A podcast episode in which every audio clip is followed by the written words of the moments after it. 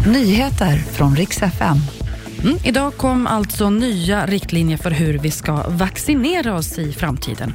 Och Aslani blir första kvinna att ta emot priset Guldfoten.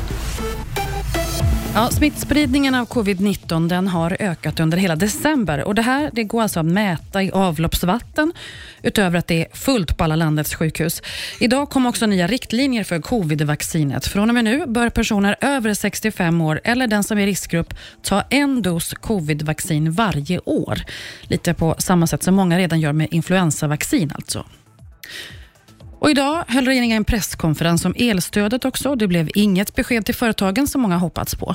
Näringsminister Ebba Busch meddelar att de får dra tillbaka det förslag som fanns och det måste göras om. Nu ska ett nytt förslag tas fram. När det blir klart kunde hon däremot inte ge besked om. Och vi avslutar med att gratulera fotbollsspelaren Kosovare Aslani som är den första kvinna som får ta emot utmärkelsen Guldfoten.